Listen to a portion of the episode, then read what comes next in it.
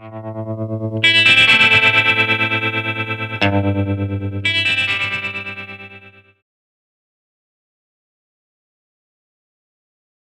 dobry Państwu. Witam Państwa w środowiskowym Laboratorium Ciężkich Jonów Uniwersytetu Warszawskiego. Laboratorium, które jest zlokalizowane na kampusie Ochota, który dzisiaj staracie się odkrywać. Temat dzisiejszego spotkania, znaczy Środowiskowe Laboratorium Ciężkich Jonów, jak nazwa sama wskazuje, jest, zajmujemy się bardzo skomplikowanymi rzeczami związanymi z nauką. No bo e, jest to laboratorium, które zajmuje się fizyką jądra atomowego. Badamy własności jąder atomowych. E, Jest to jednostka badawcza Uniwersytetu Warszawskiego. W związku z tym, e, znaczy tutaj nie ma specjalnie dużo studentów, chyba takich, tylko takich, które coś chcą zrobić konkretnego, na przykład coś zmierzyć do swojej pracy dyplomowej lub doktorskiej, lub zacząć karierę naukową. Y, Cieszę się, że jest dużo pań, ponieważ akurat z jakichś powodów fizyka jądrowa jest szczególnie w tej chwili, ostatnimi czasy, wybierana przez nasze e, koleżanki, które mm, współpracują z nami, albo których ja mam zaszczyt z nimi współpracować. Y, W mojej grupie są same kobiety. Imię musi być się zaczynać na M lub być Katarzyna, więc jakby ktoś był zainteresowany, to zapraszam. Natomiast y, możecie sobie zadać pytanie, dlaczego akurat w tym miejscu będziemy mówili o tablicy Mendelejewa, która się wszystkim kojarzy raczej z pierwiastkami chemicznymi, prawda, i z chemią. No to ja mam nadzieję, że pod koniec wykładu będzie to dla Państwa jasne. Tytuł brzmi y, wykładu pierwotny, który wymyśliłem, żeby bardzo Państwo zaintrygować i zwabić tutaj podstępnie, jest, czy tablica Mendelejewa jest skończona. Jest to pytanie, mnie powiedział retoryczne, co troszkę głupawe. Dlaczego? No bo będziemy się zajmowali fizyką, a nie matematyką. W matematyce są obiekty abstrakcyjne, które są nieskończone. W fizyce nie mamy do czynienia z obiektami nieskończonymi. Prawda? Wszystko ma jakiś rozmiar, jest najczęściej skończone. Być może nie znamy ich granic. Jest, często się mówi, że wszechświat jest skończony, ale nieograniczony. No więc dlatego tak naprawdę tytuł tego mojego wystąpienia powinna brzmieć, gdzie się kończy tablica Mendelejewa. Bo o tym, że jest skończona, jak każdy obiekt fizyczny, to my wiemy. Gdzieś się kończy. Pytanie gdzie? I na to pytanie spróbuję Państwu odpowiedzieć. Otóż, natomiast jeżeli, jeżeli zaczniemy w ogóle nasze dewagacje, to trzeba tą tablicę Mendelejewa sobie zobaczyć. No więc tutaj macie Państwo y, wyświetlone jeden z pierwszych egzemplarzy tablicy Mendelejewa, który został opublikowany w 1869 roku. To jest wersja, jak widzicie, rosyjska, którą wyszperałem specjalnie, żeby podkreślić, że twórca tejże, tegoż obiektu, Dmitry Mendelejew, był Rosjaninem. Natomiast tak naprawdę oryginał został opublikowany w czasopiśmie niemieckim i wersja ta oryginalna jest niemiecka. Otóż, co jest na tej tablicy z tego 1869 roku? Otóż jest uwidoczniona reguła, którą Mendelejew sformułował, mianowicie, że własności pierwiastków są periodyczne, czyli się zmieniają jakoś cyklicznie, można je pogrupować w pewne grupy, i, ale zależność tej tablicy jest od masy atomowej. Zauważcie Państwo, od masy atomowej. Ta tablica Mendelejewa nie jest ułożona tak jak tą, którą znamy ze szkoły. To znaczy, że w zależności od, byśmy dzisiaj szumnie powiedzieli, liczby protonów w jądrze, tak? Nie, ona jest ułożona według mas, prawda? Y, I tutaj ja jeszcze pod, podpisałem jeszcze raz, że, że to jest właśnie z liczbą atomową. Y, Znaczy tak naprawdę obecnie liczba, y, y, tablica Mendelejewa jest uporządkowana wzrastającą liczbą atomową, a nie masą atomową. Mendelejew o tym jeszcze nie wiedział, natomiast to mu się przypadkowo udało. Przypadkowo, no, geniusz e, najczęściej objawia się w przypadku. I właśnie tutaj jakby po, znamy e, te, e, to, co znamy na obecnej tablicy Mendelejewa, taki szereg na przykład jednej grupy pierwiastków, na przykład beryl, magnez, cynk, kadm. To jest to, co do dziś występuje.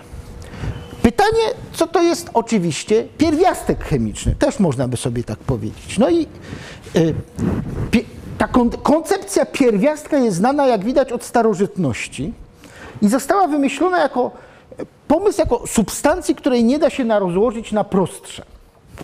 Jest to taka definicja użytkowa i akurat ta definicja pierwiastka zaczęła y, y, w czasach alchemików no była, wydawałaby się dla nas bardzo prosta, ale w momencie, kiedy zaczęliśmy rozbijać atomy, no to oczywiście przestała być taka dla nas oczywista, tak sformułowana. W związku z tym y, dalej, pierwia, y, dalej y, będziemy się, byśmy posługiwali się i nadal nauka się posługuje taką definicją pierwiastka jako substancji chemicznej, która składa się wyłącznie z atomów posiadających jednakową liczbę protonów w jądrze.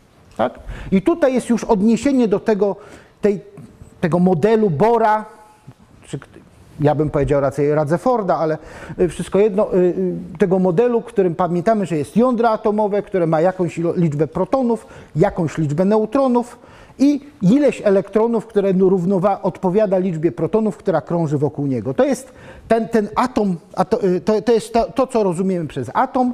No i jeżeli weźmiemy materię, która się składa z z atomów tego samego rodzaju, to znaczy takich samych, y, jeżeli chodzi o liczbę atomową czy liczbę protonów w jądrze, to to jest właśnie pierwiastek, taka substancja chemiczna.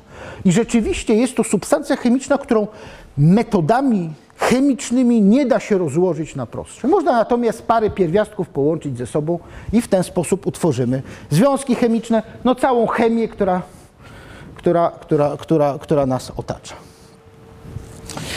Pytanie, jak powstały w ogóle pierwiastki? No to ja tutaj zrobiłem sobie taki skrót tego, żebyście Państwo mniej więcej wiedzieli, co nauka współczesna wie o powstawaniu pierwiastków. No więc najlżejsze pierwiastki, czy substancje, które mają najlżejszą, najmniejszą liczbę protonów w jądrze, te jądra najmniejsze jakby, no to powstały głównie w wielkim wybuchu, prawda? One się tam memłały, memłały, no i powstały takie, powiedzmy, protony, czyli wodór nasz, hel, te podstawowe, podstawowe e, te pierwiastki najlżejsze o liczbie atomowej Z poniżej, do czterech mniej więcej, prawda, lit. Te cięższe pierwiastki, które znamy, prawda, od berylu powiedzmy do żelaza, to są pierwiastki, które są wynikiem pracy gwiazd, tak? To jest palenie, to jest fuzja termojądrowa, którą byśmy powiedzieli. Tak słucham.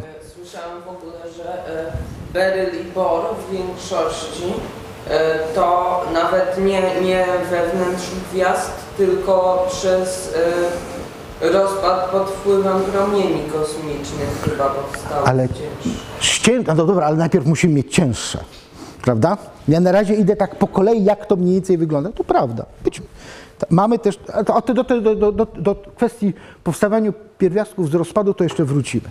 No więc y, historycznie rzecz biorąc powstały gwiazdy, no i te gwiazdy zaczęły nam produkować, pa, zaczęło się tam palić te lekkie pierwiastki po, po, w wyniku fuzji termojądrowej, zaczęły powstawać pierwiastki cięższe, tak? Od berylu mniej więcej do żelaza.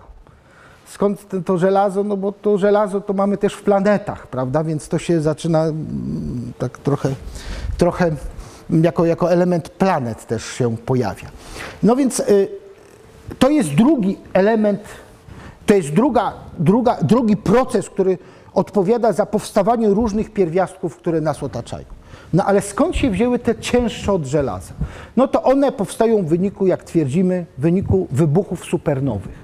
Prawda? No, czy tam y, masa ciśnienia i są tak ogromne i tak ogromne temperatury, że potrafimy produkować coś cięższego, potrafimy łączyć te jądra atomowe, tworząc znacznie cięższe pierwiastki i one następnie po wybuchu takiej supernowej rozprzestrzeniają się w przestrzeni kosmicznej, y, pojawiają się w planetach, w materii kosmicznej i także, y, y, tej, której nas, y, ko- kosmosu, który nas otacza mamy, mamy mniej więcej opanowany sposób, w jaki sposób poszczególne pierwiastki powstawały właśnie w różnych takich procesach rozpadowych, o których Pan mówi.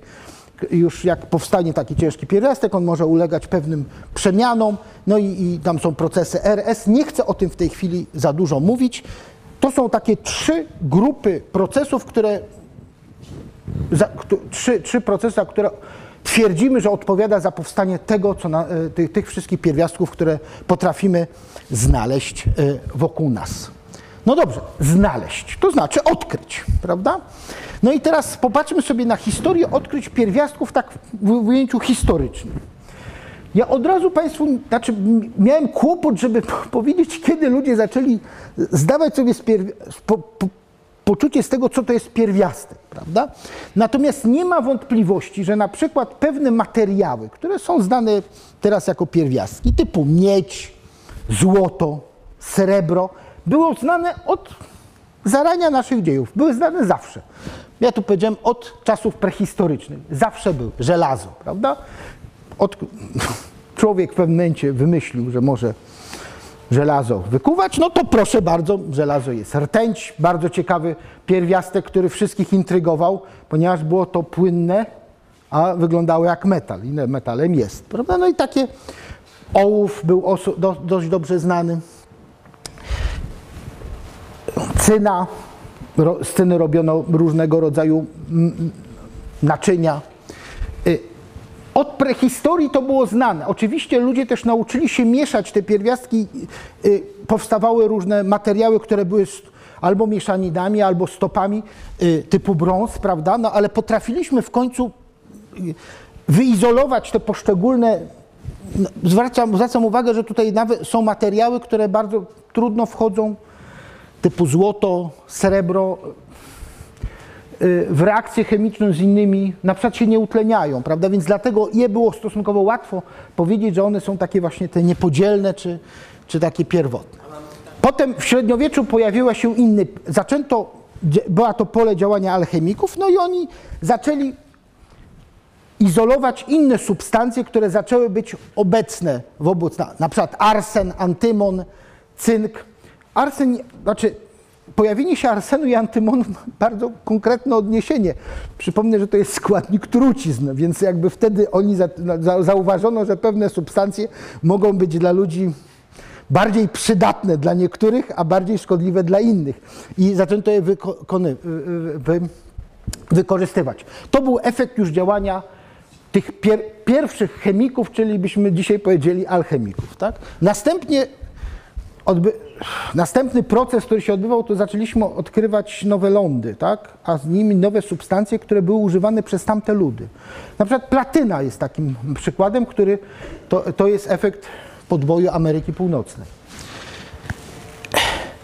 Były też działania już nowożytnej nauki, mniej więcej prawda, od, od XVII, XVIII wieku, zaczęto prowadzić regularne badania naukowe i z różnych minerałów izolować różne substancje, które następnie zaczęto uważać za pierwiastki. Znaczy zaczęto nadawać im imiona, nazwy jako, jako nazwy pierwiastków. Ja szczególnie tutaj, jak mówiąc o tych nowoczesnych już wynalazkach, kiedy ludzie zaczęli świadomie wyizolowywać materiały z, z różnych minerałów, y, podaję przykład rutenu, który w 1844 roku niejaki y, Karl Klaus wyizolował. Dlaczego to było ciekawe? Dlaczego ja akurat skoncentruję się na tym rutenie nieszczęsnym? Otóż ruten troszkę wcześniej, w 1808 roku, został opisany przez Polaka Jędrzeja Śniadeckiego, który usiłował nadać mu nazwę Westum od y, west, prawda, czyli y, y, zachód.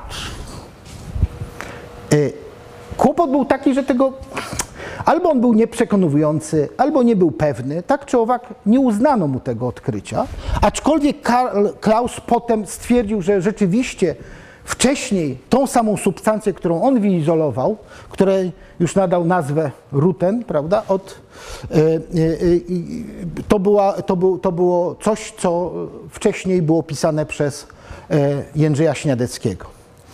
Oczywiście wszyscy pamiętamy rok, znaczy my Polacy, prawda? Odkrycie Polona, a później Radu przez ma, ma, małżeństwo Marii i Piera Curie. Też to był akurat to był przypadek, kiedy taki mm, nadchodził ro- XX wiek i ludzie zaczynali się zajmować czymś, co świeci. Tak? To, pro, promieniowaniem jonizującym. I akurat y, wyizolowanie tych dwóch izotop, y, tych dwóch, dwóch, dwóch pierwiastków miało związek z właśnie z badaniami rod uranowych i poszukiwania właśnie tych pierwiastków, które już były, nietrw, które były nietrwałe, które y, można było, które były źródłem tego promienia jonizującego, które wówczas na przełomie XIX i XX wieku strasznie pola, y, y, inspirowało, ba, bardzo inspirowało uczonych tamtego okresu. 37 rok też chcę Wam przypomnieć, chcę Państwu przypomnieć jako rzecz specyficzną, mianowicie było to wyprodukowanie pierwszego pierwiastka w sposób sztuczny. Znaczy, po raz pierwszy znaleziono coś, co nie istnieje w naturze. I nazwano to, Włosi nazwali to technetium, od technetu, czyli sztuczny, technicznie wyprodukowany. Wiadomo, że Do- występuje w naturze. Wiadomo. E, Do tego dojdę. Bo, bo akurat o tym jeszcze chwilę powiem. No i, koń, i, i w końcu ostatni, ostatni punkt tej naszej, mojej mapy to jest początek w zasadzie ery produkcji radioizotopów albo produkcji izotopów. Mianowicie w 1944 roku po raz pierwszy wyprodukowano nowy pierwiastek w ten sposób, że wzięto jakąś materię, wzięto drugą materię, połączono i stworzono coś innego, coś nowego, nową jakość. To był Ameryk, nazwany, bo w Ameryce to się stało na cześć Ameryki. Jeszcze też do tego wrócę, mówiąc chwilę o tym, co, e, ja, gdzie są granice naszej tablicy Mendelejewa. Tablica Mendelejewa, którą można znaleźć w tej chwili e, w różnych miejscach, w szkole na przykład. E, Szkoła nasza jest najczęściej no, niezbyt aktualna. To akurat ściągnięto, jako, mam jako ściągnięto ze strony, która jest pomocą naukową, gdzie miały być pomoce naukowe. Zwracam uwagę na te białe plamy oraz takie dziwne napisy, które tutaj się pojawiły. Jakieś, e, chcę tylko powiedzieć, że to nie jest nasz stan wiedzy. To nasz, nie jest nasz stan wiedzy. Sta, żeby poznać nasz stan wiedzy, trzeba się nauczyć języka rosyjskiego. No i to jest tablica Mendelejewa, współczesna, ja bym powiedział nawet ostatnia, jaką znam. Kończy się na pierwiastku, który się nazywa Oganesson. Y, leży na końcu, y, ma liczbę atomową 118 i to jest najcięższy w sensie Z pierwiastek wyprodukowany przez człowieka, którego istnienie zostało potwierdzone, no i, I wszystkie poniżej też udało się wyprodukować. To jest na dzień dzisiejszy tablica Mendelejewa kończy się na 118. I to jest pierwsza odpowiedź na pytanie zawarte w tytule wykładu. Ale nie chodzi o to, żeby w 15 minut sprawę załatwić. Prawda? No więc trzeba troszeczkę pokomplikować. My to umiemy. Dlaczego tablica Mendelejewa była taka ciekawa? Dlaczego była taka odkrywcza? A mianowicie dlatego, że po pierwsze e, miała pewne dziwne elementy, dziwne, dziwne części, dziwne, dziwne zachowania. Na przykład jak popatrzycie sobie Państwo tutaj, są dwa pierwiastki, które Mendelejew umieścił w różnych grupach. Niby dlaczego? Masowo to mu się zupełnie nie zgadzało. Wymienił ren i wymienił ruten. To są dwa pierwiastki, które on stwierdził, że mają taką samą masę atomową 114 i 4. Dlaczego je rozdzielił? No ewidentnie mu się nie podobało, bo rzeczywiście ruten y, ma inne własności niż ren, ale czy na pewno to jest dobrze? Tak czy owak, coś dziwnego.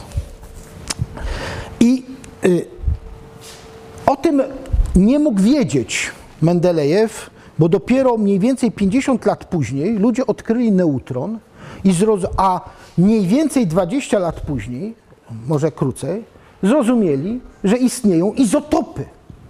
To znaczy, że są odmiany tego samego pierwiastka, które różnią się masą. Tak? Y, Więc jeżeli sobie popatrzymy na dzisiejszy stan wiedzy, to to jest właśnie tablica izotopów, która pokazuje, że różne pierwiastki występują w różnych formach, w sensie mają różne masy. Dziś wiemy, że to jest różna liczba neutronów w jądrze atomowym, tak? przy tej samej liczbie protonów.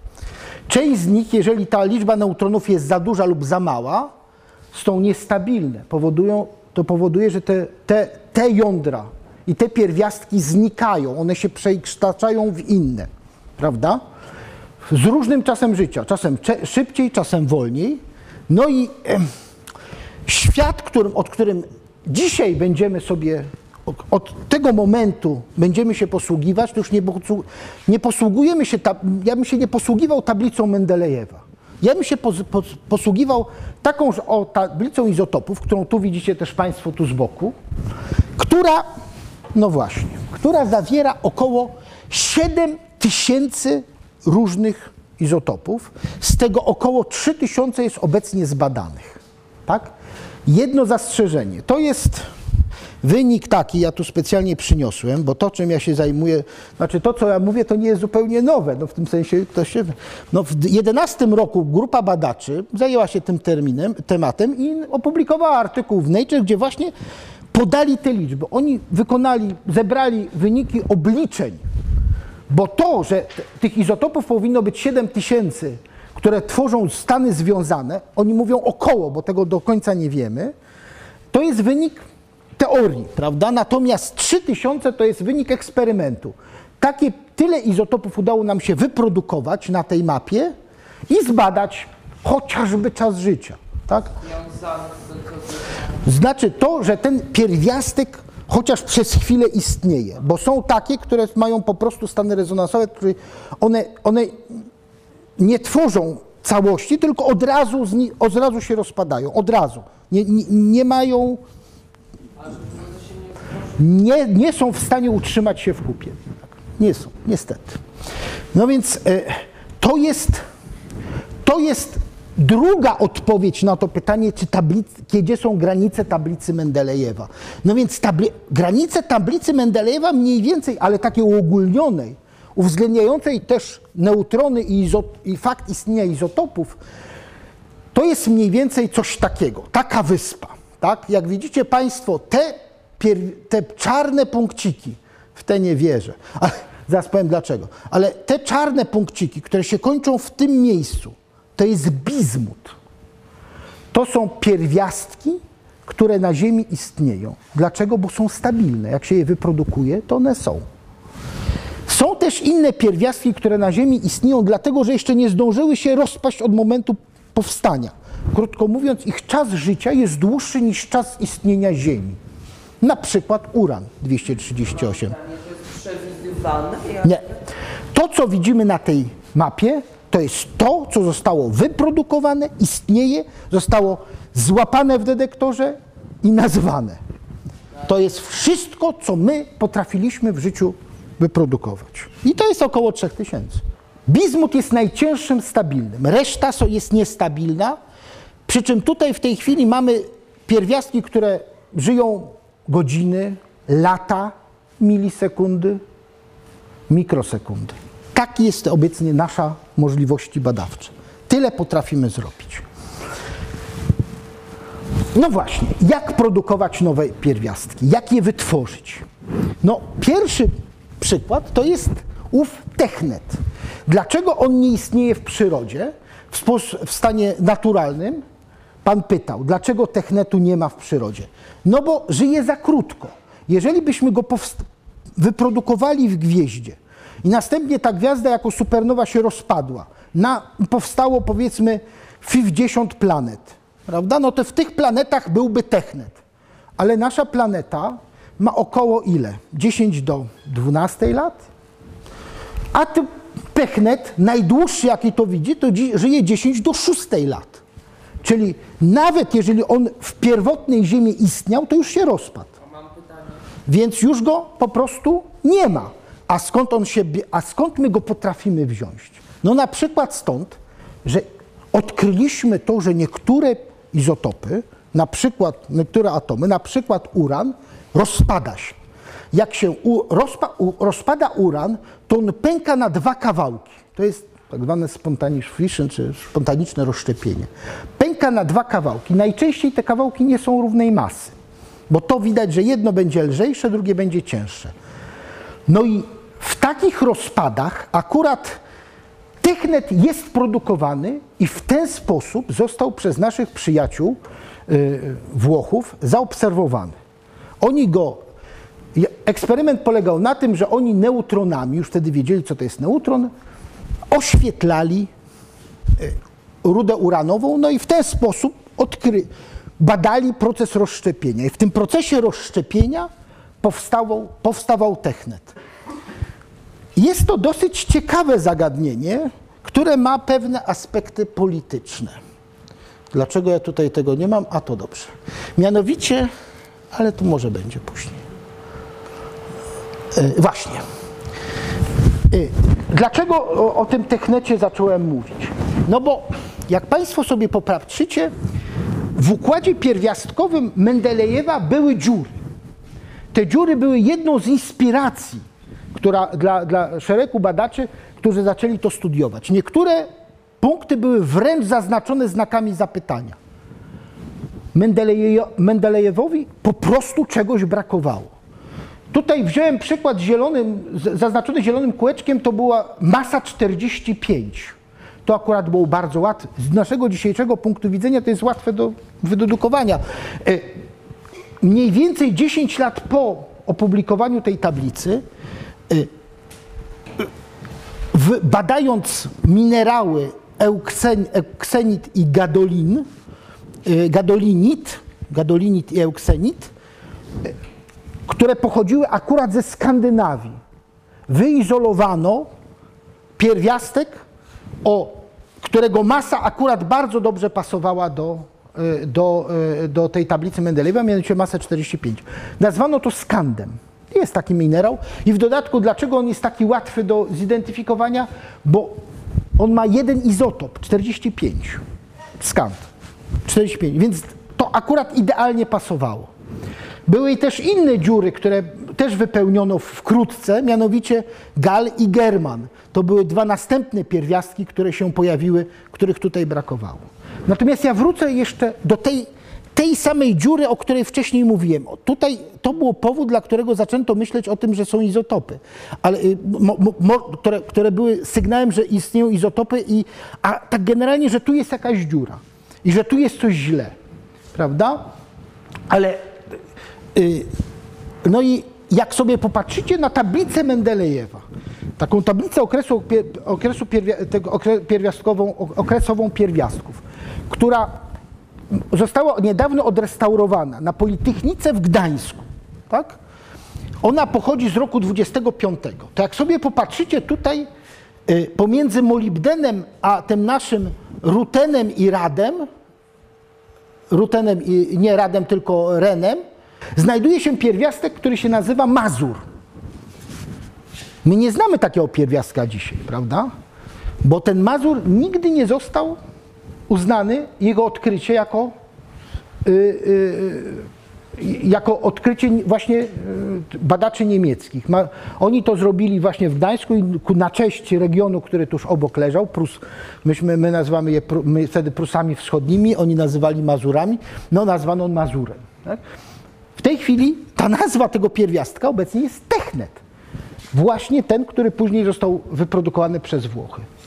Y, nie wchodząc bardzo w szczegóły, e, Niemcy twierdzili, że uzyskali to naświetlając elektronami jakieś minerały.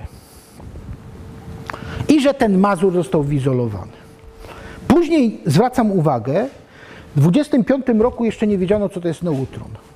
Neutrony na początku lat 30. Chadwick pokazał, że istnieje neutron. W związku z tym y, neutrony już były znane i w końcu lat 30. w 37 roku czy 8 roku ten technet został pokazany, że istnieje, ale mówiono, że neutronami oświetlano rudę uranową. To jest moja spekulacja, chcę powiedzieć, ale jak popatrzycie Państwo na wyniki, na badania dotyczące rozszczepienia, na wyniki badań, publikacje wyników badań dotyczących rozszczepienia, to wszystkie one zaczę... był wysyp, co dokładnie co dwa tygodnie pojawiła się nowa praca w latach 37-38, tuż przed wybuchem II wojny światowej. Przypadek? Nie ma możliwości, żeby człowiek, który bada, bada coś, w ciągu dwóch tygodni nagle dostał olśnienia i wypuścił papier, który pokazuje jakieś wyniki, które są zupełnie nowe. Ja myślę, że od lat dwudziestych ludzie pracowali nad czymś, nad rozszczepieniem. To my wiemy, tylko że to się odbywało w tajemnicy. I być może Niemcy naprawdę wyimp- wy, wyprodukowali e, ten, tego Mazura właśnie z rozszczepienia uranu, ale nie chcieli wszystkiego opublikować i dlatego trochę ściemniali, tak? ale nikt nie był w stanie powtórzyć tego eksperymentu i dlatego tego Mazura im nie uznano. Mówiłem Państwu, że to był pierwszy pierwiastek, który uznano, że wyprodukowano sztucznie. No, sztucznie. No, po prostu spowodowaliśmy rozszczepienie uranu, no i, i w, tym, w tym produktach rozszczepienia znalazł się technet. Zresztą ten technet jako w tej chwili bardzo wygodna mm, substancja do znakowania różnych y, substancji diagnostycznych używanych w medycynie. I to jest bardzo wygodne. Jest do dnia dzisiejszego produkowane głównie poprzez w reaktorach jako produkt rozszczepienia. Są specjalne reaktory, między innymi reaktor Maria w Świerku. Jest jednym, chyba tam oni pokrywają 25% produkcji światowej molibdenu, czy który stanowi gene- generator do, e, technetowy, no, do produkcji technetu. E, do dnia dzisiejszego tak to się robi, więc to jest y, pewien uniwersalny charakter. Ale no to było przez rozszczepienie. Natomiast powiedziałem Państwu, że w roku 1944 zrobiono coś więcej. Dokonano tego pierwszego aktu alchemii, który polegał na tym, że z dwóch pierwiastków zrobiono trzeci. No i rzeczywiście tu jest opisane, jak odbyła się taka reakcja syntezy nowego pierwiastka. No, wzięto pluton, połączono go z helem, z cząstką alfa byśmy powiedzieli. No i z tego wyprodukowano Ameryk. Znaczy, ta reakcja zachodziła mniej więcej na tej tablicy izotopów w ten sposób. To było bardziej skomplikowane. Mianowicie z plutonu poprzez cząstkę alfa wytwarzono jądro kiuru, którego wtedy jeszcze nie potrafiono zidentyfikować i nazwać. Ten kiur się, to był jest nietrwały izotop, który wyemitował z siebie proton, neutron do kiuru 242 i później proton. Przez emisję protonu uzyskano jądro Ameryku z 241,95, e, o- OZ-95. Nazwano to Ameryk ku czci Ameryki. To był pierwszy przypadek wyprodukowania właśnie w, na drodze łączenia. Żeby to połączyć, potrzebny był jakieś źródło cząstek alfa, helu, które potrafią wbić się w jądro Pluton, plu, plutonu. Robiono to, po raz pierwszy użyto do tego akceleratora.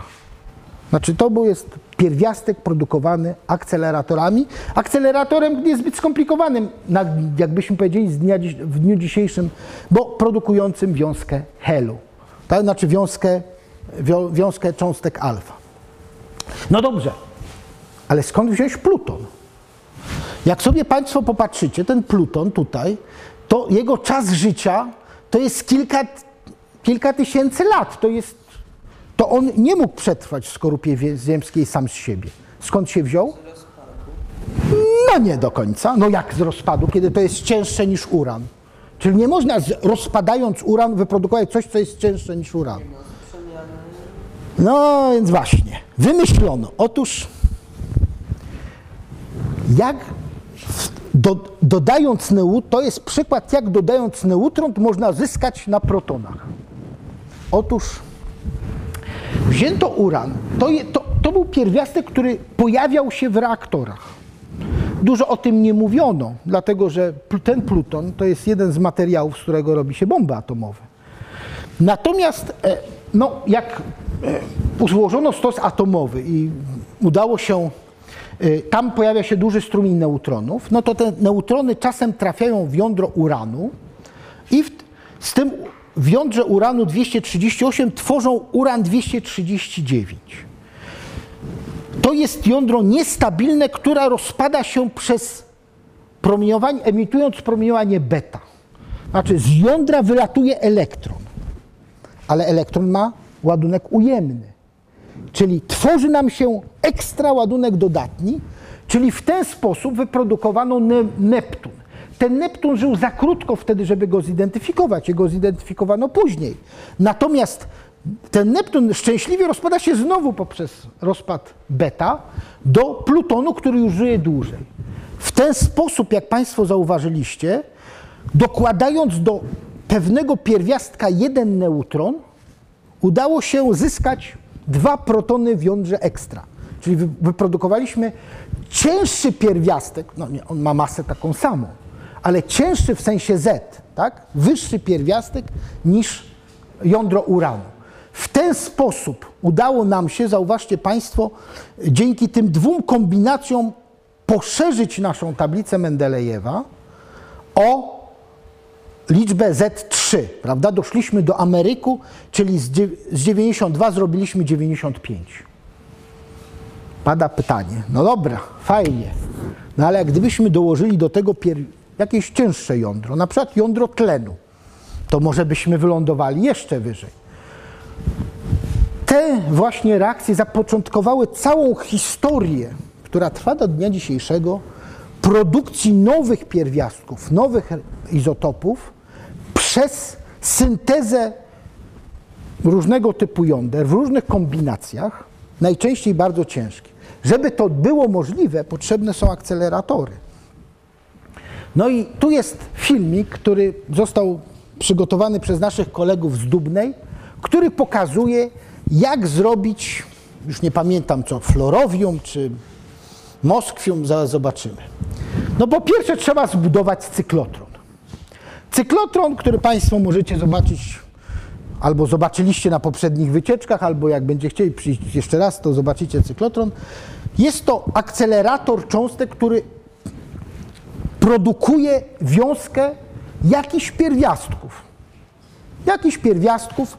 Y, Tu w tym przypadku to będzie pierwia, o ile dobrze pamiętam, WAP48. Jeden z izotopów wapnia. Prawda? To jest ten akcelerator, on tutaj się, prawda, tu jest operator, to nieprawda, że on tu stoi, jak to pracuje, to musi wyjść, ale, ale tym niemniej, ze źródła jonów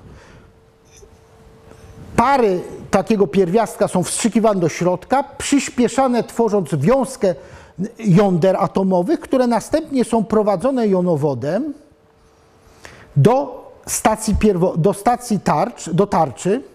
To jest jakiś materiał, w tym przypadku jest to Berkeley. I widać, WAP48 wpada, tworzy pierwiastek 117, to jest akurat tenesium, jakbyśmy dzisiaj powiedzieli, który jest magnetycznie separowany i rejestrowany w jakimś detektorze, po to, żeby zarejestrować jego rozpady. Bo jak on się rozpada, to, my, to on wędruje jakby w dół naszej tablicy izotopów i w ten sposób sprowadzamy go do czegoś, co my dobrze znamy. Możemy zidentyfikować poprzez kolejne rozpady alf, cząstkami alfa, możemy zidentyfikować, co to jest, prawda? No akurat tutaj doszło do e, pierwiastka, który się nazywa dubnium, on ma e, 150, e, 100, e, 105 Z, no i on następnie ulega rozszczepieniu. Ja to puszczę Państwu jeszcze raz, nie dlatego, żeby Państwa zanudzić, ale widzicie Państwo, w ten sposób wyprodukowano te właśnie, o tu pokazane są te pierwiastki, które w wyniku tego rozpadu promieniotwórczego zostały. Te izotopy pierwiastków, które zostały w, w, ta, w czasie takiego rozpadu zarejestrowane. Jeszcze raz, spróbujmy to. Tak, najpierw, przepraszam bardzo. Najpierw budujemy cyklotron, akcelerator, jeszcze, przepraszam, no tutaj na biegunniki. Ci, którzy byli na wycieczce, to oczywiście wiedzą, jak to działa i y, do czego to służy. Służy to do tego, żeby nadać mu tej cząstce, która, tej wiązce cząstek, które produkujemy, takie prędkości, które pokonają odpychanie kulombowskie, od, bo tam jądra są naładowane dodatnie, to się odpychają, żeby dało się je połączyć i wtedy, jeżeli to zrobimy w sposób inteligentny, a słowo inteligencja, zaraz powiem o co chodzi z tą inteligencją, no to wtedy, prawda, ta wiązka właśnie idąca tutaj ze źródła jonów do akceleratora, ona jest przyspieszana do energii takiej, która pozwoli połączyć te dwa jądra. Ona nie może być za duża, zaraz powiem dlaczego. Leci tutaj, prawda, jest prowadzona jonowodem do stacji tarcz, tu jest tarcza, w którą ona trafia. W tej, tej tarczy jest materiał, no różne, najczęściej bardzo ciężkie, żeby coś ciężkiego z czymś ciężkim połączyć. Berkeley łączymy z wapniem, powstaje tenesium, czyli tene, tenes, ja, na, no, no, no trudno no, nazwać nawet, jak to polska nazwa, nawet nie wiem jak istnieje, przepraszam bardzo.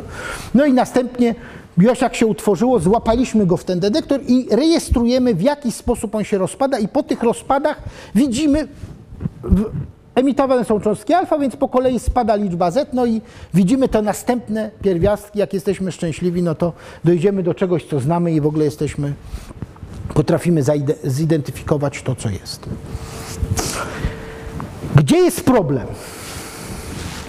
No więc jak Państwo popatrzycie na tą tablicę, może ja się cof... O, jak Państwo popatrzycie na ten wykres, izoto... tę mapę izotopów, prawda, to jest, nie wiem czy Państwo zauważyli, ona ma jakiś taki kształt wygięty, prawda? Tu jest liczba neutronów, tu jest liczba protonów. To znaczy, im więcej mamy protonów, tym więcej potrzebujemy neutronów, żeby to, to jądro było stabilne. I tu jest problem. Dlaczego? Dlatego, że y, jeżeli połączymy dwa pierwiastki, które no, z dołu tablicy izotopów, to one będą miały za mało neutronów. I za chwilę to zobaczycie. Po prostu lądujemy powyżej tej zaginającej się krzywej stabilności y, y, y, jąder stabilnych. Nie możemy dać za dużej energii, bo jeżeli za dużą energię wpompujemy, no to wtedy to się nam rozpadnie i nic się nam nie wytworzy. Jeżeli za małą energię damy, to z kolei nie dojdzie do połączenia. To, dlatego to trzeba robić inteligentnie i to jest cała szkoła, jak coś takiego, takie nowe pierwiastki wyprodukować. Gdzie takie pierwiastki się produkuje? No więc takie pierwiastki można wyprodukować na przykład y, w Niemczech, w Darmstadt. O tym chwilę, za chwilę powiem jeszcze. W latach powiedzmy 90. to było centrum takich dał. Takie pierwiastki produkowało się w Berkeley swojego czasu. Y, W Berkeley y, no, powstał chociażby ten Ameryk, prawda? To było w, Berkeley, y, w Stanach Zjednoczonych. Takie pierwiastki produkuje się w Japonii, ale najwięcej takich pierwiastków produkuje się w Dubnej. I teraz to akurat jest układ, w którym, jak widać, byłem, to jest dowód, że byłem tam i nawet się w to trochę bawiłem. Mianowicie już nie tyle, żeby badać, produkować nowe radioizotopy, bo takich na radio nowych, izotopów to potrafimy wyprodukować powiedzmy trzy na półtora roku. Ale, ale żeby badać takie, które już umiemy dość dobrze produkować. I to jest akurat układ y, y, w Dubnej, który służy do badania takich izotopów i tutaj są zdjęcia z tego układu. No właśnie, jak tworzyć pierwiastki? Jaki najcięższy pierwiastek wyprodukowano? No to no wyprodukowano, to jest w 2002 roku y, wzięto ją kaliforn. Kaliforn to jest taki pierwiastek, który powstaje w reaktorach. Jego jest strasznie trudno wyprodukować. Znaczy, to jest pierwiastek, który jest bardzo drogi. Na szczęście on jako źródło neutronowe służy do badań geologicznych, w związku z tym nafciarze zapłacą dowolnej pieniądze za jego wyprodukowanie i my odpady z tej, tego używamy właśnie do badań y, y, nad, y, nad produkcji superciężkich. Wzięto do tego drugi WAP-48. Dlaczego WAP-48? Dlatego, że to jest najcięższy z izotopów wapnia, który znamy. Taki najbardziej popularny, ten, który mamy w WAP w kościach, to jest WAP-40, a tu jest WAP-48. Materiał piekielnie drogi. Rosjanie na program produkcji superciężkich wydali 200 milionów dolarów tylko i wyłącznie na to, żeby kupić ten WAP-48. Zresztą ten, WAP, ten kalifon też tani nie jest. No i w tej reakcji udało się wyprodukować pierwiastek, który się nazywa oganesson. Oganesson. Dlaczego oganesson? No bo otóż został on nazwany dla upamiętnienia człowieka, który od wielu, wielu lat prowadzi bardzo intensywne badania nad, nad nowymi pierwiastkami. On te, to jest tak naprawdę spiritus movens wszystkich programów, które były i w Niemczech, i w Stanach, i w Japonii. Nazywa się Juri Oganesian, on był dyrektorem Instytutu Fizyki tego Instytutu w Dubnej. E, a dlaczego nie Oganesium, tylko Oganessum? Dlatego, że podejrzewamy, że według tablicy Mendelejewa, tego okresowej pierwiastków, tej tradycyjnej, to powinien być gaz szlachetny. A gazy szlachetne noszą końcówkę on. Radon, ksenon, neon, no, krypton, hel. nie pasuje. Ale Oganesson, stąd ta nazwa Oganesson. E, I teraz tak, tutaj żeby było śmieszniej, wcześniej ten Oganesson został wyprodukowany troszkę, a przynajmniej tak twierdził pewien człowiek, który się nazywał Wiktor Ninow. Tam był jeszcze drugi człowiek Niemiec, ale tego nazwiska nikt nie pamięta. Nie wiem dlaczego wszyscy zapamiętali tego nieszczęsnego Ninowa. I to jest historia, która weszła do historii, znaczy do, do sztuk, sztuki popularnej. Nie wiem, czy Państwo znacie taki serial Teoria Wielkiego Podrywu, po polsku się to nazywa, ja nie lubię tego tłumaczenia, ale The Big Bang Theory. Tam jest taka scena, kiedy jeden z, bohater, jeden z bohaterów, Sheldon, wylicza, że się da zrobić ciężki pierwiastek. Później się okazuje, że się pomylił chłopak, bo tam pomylił metry z milimetrami, no i się nie, nie, nie wyszło. Bardzo było sympatycznie, bo okazało się, że mimo jego pomyłki Chińczycy przeprowadzili eksperyment i doprowadzili do syntezy tego pierwiastka. To jest scena z filmu. Paradoksalnie ta scena miała w pewnym sensie miała prawdziwe korzenie. Mianowicie w latach, na początku, końcu lat 90.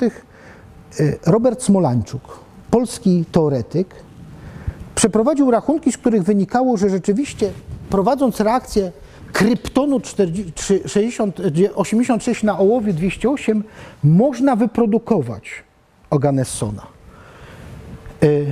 Ninow, Wiktor Ninow w Berkeley przeprowadził eksperyment i stwierdził, że mu się to udało. Ja widziałem tą pracę Ninowa, rzeczywiście zaczyna się od zdania, tak jak przewidział Smolańczuk w pracy, bla, bla, bla. Problem polegał na tym, że nikt nie był tego w stanie powtórzyć tego eksperymentu. W szczególności Rosjanie twierdzili, że to jest niemożliwe. Rosjanie bardzo od dawna nad tym pracowali. Po chyba około dwóch latach, po dwóch latach, czy te, tego rzędu, dyrektor Instytutu w Berkeley przyznał, że Ninow sfałszował dane. Oszukał. Tu akurat było inaczej. To nie wiemy, czy Chińczycy w tym filmie to mieli naprawdę odkryć, czy nie. Wiadomo, że Sheldon się pomylił. Smolańczuk się nie pomylił, natomiast Ninow oszukał. I efekt końcowy był taki, że niestety biednego Roberta zamieszano w tę całą imprezę i nawet niektórzy polscy uczeni bardzo krytycznie wypowiadali się, wiązali to oszustwo z Robertem Smolańczukiem. Znam człowieka osobiście. Dlatego y, zupełnie niesprawiedliwie. Zupełnie niesprawiedliwie, dlatego że to był wybitny polski uczony i, i jeden, z, jeden z przedstawicieli takiej polskiej szkoły teorii jąder superciężkich. Jąder superciężkich. O do, czego jeszcze wrócę. tak jak widzicie Państwo, nawet we współczesnej twórczości popularnej takiej można znaleźć ślady tej e, zdję- zdjęć. e, To jest znaczek japoński, ponieważ jeden z pierwiastków został uzyskany e, w Japonii i nazywa się, dlatego się nazywa nionium. I tu widzicie Państwo, jak ten nionium został wyprodukowany. Bizmut, cynk. Półtora roku trwał eksperyment, żeby wyprodukować tam trzy czy cztery jądra tego typu. Kończymy powoli, bo już nam widownia ucieka, rozumiem, ale powiem tak. Jak się, to jest jak się nadaje takie nazwy takich pierwiastków. No to jak widzicie Państwo, no ci, którzy y, odkryją pierwiastek, mogą go nazwać, mogą nazwać od na- nazwiska naukowca, od własności elementu, od regionu geograficznego, to jest bardzo często tak. Pytanie, czy to powinno być w ten sposób nazwane, czy to musi być? To musi być jeden z tych punktów. To musi być jedna z tych punktów, jeden z tych punktów. Był na przykład po- pomysł, żeby nazwać, ponieważ jeden z tych pierwiastków tutaj ostatnio nazwanych nazywa się Tennessum, od, ten, od stanu Tennessee, był pomysł, żeby nazwać go jakiegoś tam twórcy muzyki popularnej. Ale właśnie odmówiono, bo to mówiono, że to ma być człowiek, ale naukowiec. Tak? No właśnie, to, znaczy to nie, było, nie chodziło o gagium, ale jakiś podobny, znaczy próbowano nazwać od nazwiska, od nazwiska jakiegoś twórcy takiego muzyki popularnej, y, odmówiono. Właśnie dlatego, że to miało być nazwisko naukowca, który był jakoś związany, znaczy naukowca. To nie musi być koniecznie naukowiec związany z y, tym wytworzeniem tego pierwiastka, jak na przykład w przypadku Oganessona, tak? Oganesson zresztą jest przypadkiem bardzo szczególnym, podobnie jak Syborgium. To były dwa pierwiastki, które zostały nazwane na, od nazwiska żyjącego człowieka. Zyborg, Zyborg to był chemik, który zajmował się mm, syntezą tych superciężkich. E, W Stanach Zjednoczonych, a Oganessian to wiadomo. No, e, e, Zyborg już chyba nie żyje, o ile... Do, nie, nie żyje na pewno, nie żyje. Na, dobrze. No i właśnie tutaj końcówka musi być jum, chyba, że to jest gaz szlachetny, czytaj Oganesson. Czy są polskie nazwy takich pierwiastków? No oczywiście, to jest przedostatni slajd. Czy są, prawie, czy są, tak, os- przedostatni temat. Czy są polskie nazwy pierwiastków? O Polonie Państwo znacie, oczywiście. Maria Curie, która później jeszcze wyizolowała rad, który stał się bardzo, bardziej, znacznie bardziej popularny. Przynajmniej w owych czasach. Y, y, na początku sama przyznała, że żałowała, że nazwała pierwszy pierwiastek, który wyizolowała od, od nazwy Polski, Polonium. Yy, yy, dlatego, że rad się później okazał bardziej, znacznie bardziej znany. To nie jest do końca prawda, bo teraz Polon ma ogromne po- powodzenie, prawda? Od czasów Litwinienki to wszyscy wiedzą, co to jest Polon i, i, i jest to pierwiastek, który jest powszechnie znany i ceniony, aczkolwiek ta sława jest dosyć specyficzna. Czy to są wszystkie pierwiastki, które mają polską nazwę? Mazur, West, Westum, no czyli małopolski, ale trudno powiedzieć, że był polski, y, się nie ostał. Mazur również się nie ostał, przykro mi. No więc, co, czy mamy, znamy jeszcze jakiś jeden pierwiastek, który ma polską nazwę? Kopernik. I tutaj jest, to jest specjalnie, to chcę Państwu głowę tym zawrócić. To jest pan profesor Adam Sobiczewski. Człowiek, który w, latach, w końcu lat 60. opublikował pracę, która tak naprawdę dawała ludziom wizję tworzenia tych pierwiastków super ciężkich. Że gdzieś tam daleko być może istnieją pierwiastki, które mają bardzo długie czasy życia, być może są nawet stabilne. On mówił nawet wtedy o stabilności. W tej chwili trochę jesteśmy ostrożniejsi. Człowiek zmarł dwa lata temu chyba, czy, który stworzył całą szkołę właśnie teorii takich rachunków, które pozwalały na przewidywać produkcję oraz stabilność tych, tych izotopów. Tych izotopów bardzo, pierwiastków bardzo ciężkich. On miał duży wkład w, w cały program y, superciężkich w. Między innymi w wytworzenie Kopernika. Z ołowiu i cynku stworzono jądro Kopernika. To zrobiono w Niemczech w GSI w 1996 roku.